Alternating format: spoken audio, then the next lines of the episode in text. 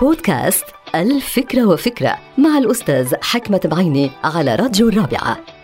فكرة اليوم لها علاقة بكيفية مواجهة العاصفة. طبعا نحن عم نحكي بشكل مجازي. هناك عواصف طبيعية أحيانا بتضر بالإنسان وبالبيئة. فكيف السبيل لمواجهة العواصف؟ طبعا هل الحل نسأل هو في مواجهة العاصفة للحد من أثارها المدمرة أم الاختباء منها حتى تنحسر وتضعف؟ هذا سؤال دائم. كيفية المواجهة مع العاصفة؟ أن نواجه أو نختبئ حتى تنحسر؟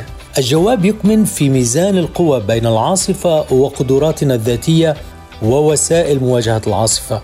بمعنى آخر فإن مواجهة العاصفة كمواجهة أي موقف آخر. علينا تقدير الموقف أولا ومن ثم اتخاذ القرار المناسب. لذا اقتضى التنويه. انتهت الفكرة. هذه الحلقة مقتبسة من كتاب الفكرة وفكرة.